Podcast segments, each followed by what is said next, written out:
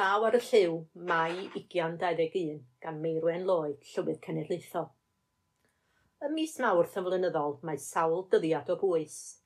Diwrnod ein awsant, diwrnod y llyfr, diwrnod rhwngwladol y merched. Eleni wedi blwyddyn ryfeddol roedd syl y mamau a syl y blodau yn galed iawn i sawl un.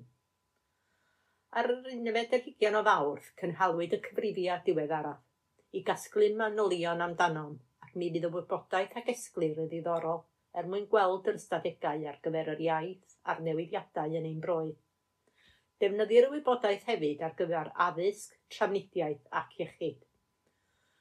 Roedd canlyniad rygbi Cymru yn y chwe glad o ennill y goron ddiffrig i'r siom ac amsom ymharus yn greulon a hynny yn ein hamddifadu o'r gam plawn o ddau bwynt. Hon diolch i'r Albanwyr mewn gêm gyffroes arall Cymru oedd yn bencampwyr eleni. Mae teithiau'r garfan beldroed ar gyfer ymgyrchoedd Cwpan Ewrop a Chwpan y Byd bellach wedi dechrau, yn rhoi gobaith a hyder i'r genedl. Roedd mawrth eleni'n brysur dros ben i ferched y wawr. Dosbarthwyd rhifin 211 o gwmpas Cymru'n wahanol, oherwydd nad oedd yn bosib dosbarthu yn y ffordd arferol. Diolch i bawb wnaeth ysgwyddo'r baich fel ein bod yn cyrraedd pob aelod yn ddiogel. Gobeithio eich bod wedi mwynhau'r wyth dudalen ychwanegol.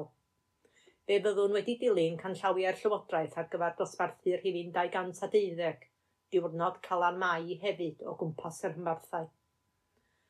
Bu eich ymateb i'r her o addurno eich ffenest ar ddydd gwildewin rhagorol. Yn flynyddol, hyfryd i'w gweld ein cenhunen mewn sawl border bach neu ambell botyn yn yr ardd, yn ogystal ag ar ochr ein ffyrdd gwledig. Cafwyd sawl digwyddiad rhithiol o de prynhawn gorllewin morganwg i goginio bara brith yn y de ddwyrain. Ar noson ei nawsant cawsom wendi o blodau blodwen yn gwneud trefniadau gyda'r genhinen. Nid yw'r genhinen blodyn hawdd i roi mewn trefniant, ond cafwyd syniadau gwych ganddi i'r rhai ohonom sy'n ymddiddori yn y grefft cwmni aelodau Canen Dolgellau a Chanen Llanrug ar y dydd mercher gan sgwrsio ar rhannu profiadau. Prynhawn hwyliog yn hwmni Bethan Gwanas Gawsom ar ddiwrnod y llyfr. Y llenor yn cael ei holi gan ein darpar is-lywydd Gaino Roberts. Diolch i'r cynnor llyfrau am noddi drwy roi bwndeli o lyfrau fel gwobr. Tasg newydd o dewis enillyd o rhithio. Gyda'r tywydd yn gwella ar nosweithiau yn ymestyn, braf oedd ymuno gyda cheredigion Penfro a Chaerfyrddin, y tri hambarth wedi uno yn hwni Adam Jones neu Adam yr Arth. Cafwyd hanesion am ei brofiadau garddio yn hwmni ei dau dathrigolion ei fro. Diolch i Hazel a Jane am wneud y trefniadau ar un rhan. O sylwi ar brwdfrydedd y noson, rwydd yn amau bydd gerddi'r aelodau yn gysafleol iawn yr haf yma. Y medi byddwn nhw'n gallu mynychu dosbarthiadau garddio yn hwmni adyn. Cofiwch gofrestru Torri cwys newydd wnaeth y mudiad eleni gyda'r swyddogion datblygu yn trefnu diwrnod rhwngladol y merched, yr rhithiol ar yr wythfed y fawr. Dyma'r tro cyntaf i'r mudiad ei gynnal yn genedlaethol ac yn dilyn ei lwyddiant yn sicr ni fydd yr ola. Cawsom sgwrs yn y bora gan Sara Hughes, yr hanesydd pensarniol, a chi sylfaenydd yr East End Women's Museum Llundain o Aberystwyth yn ogystal Mae yn gweithio yn y sector treftadaeth fel ceradur, ymgynghorydd a darlledwr. Bydd sawl canen a chlwb am ymweld ar amgueddfa, a bydd Sara ac aelodau canen Merched y Wawr Llundain yn falch y crasawu. I ddilyn yn y prynhawn, awr onest a difyr yn hwmni Megan Hunter, awdur ifanc talentog o Ben y Groes Dyffryn Anlla, yn sgwrsio am ei nofel gyntaf, tu ôl i'r awyr. Mae'n dilyn taith dau gymeriad yn ei harddegau hwyr, deian ac anest, a'i perthynas rhyfeddol rwy am ei bywydau. Buaswn yn ei chanog i ddarllen y nofel fel mae sawl aelod eisoes wedi gwneud. I gloi'r diwrnod, Bethan Richards o Dremeirchion Dyffryn Clwyd yn wreiddiol, ond sydd erbyn hyn wedi setlo gyda'i theulu ym Mhencader Caerfyrddin. Yn dilyn gyrfa fel rheolwr gyda chwmni fferyllol, penderfynodd Bethan hyfforddi fod yn ysgubwr simnau, ac mae'n dweud mae'r peth gorau ddigwyddodd iddi. Efallai fod gwers i gyd.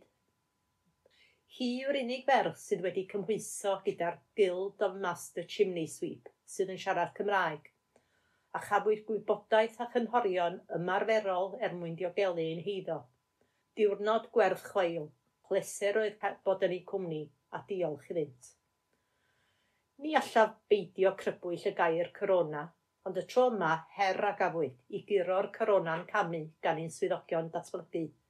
Ei gobaith cael miliwn o gamau. Bydd hyn yn llesol i'n hiechyd corfforol a meddyliol. Rwy'n yn ffyddiog byddwn eto yn torri'r record gan gamu'n hyderus pawb yn gwneud ei rhan. Er na ddaw fy swyddogaeth fel ei llywydd cenedlaethol i ben tan 31 o awst, dyma fy erthigl olaf llaw ar y lliw. Pam gefais fy urddo yn 2018, derbyniais ddau enlyn ac alla ddim ond gymeithio fy mod wedi cyflawni ei geiriau hyd gorau fy nallu, yn ystod y ddwy flynedd fel is llywydd a thair blynedd fel eich llywydd rhwng awst 2016 ac awst 2021. Dyma'r enlyn derbyniais gan fy ffrind Manon Rhys.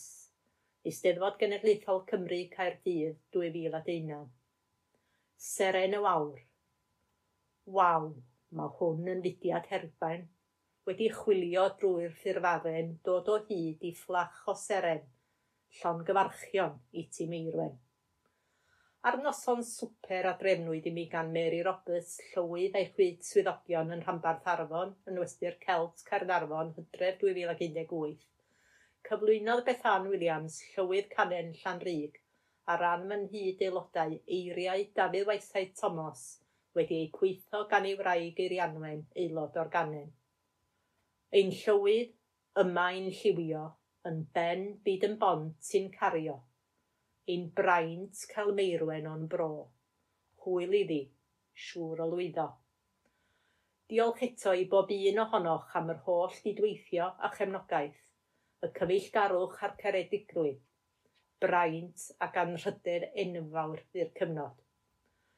Dymunaf y gorau i sylwen ein llywydd anrhydeddus, Jill fel ein llywydd, yr holl staff, swyddogion ar bob lefel – a'r holl aelodau i'r dyfodol.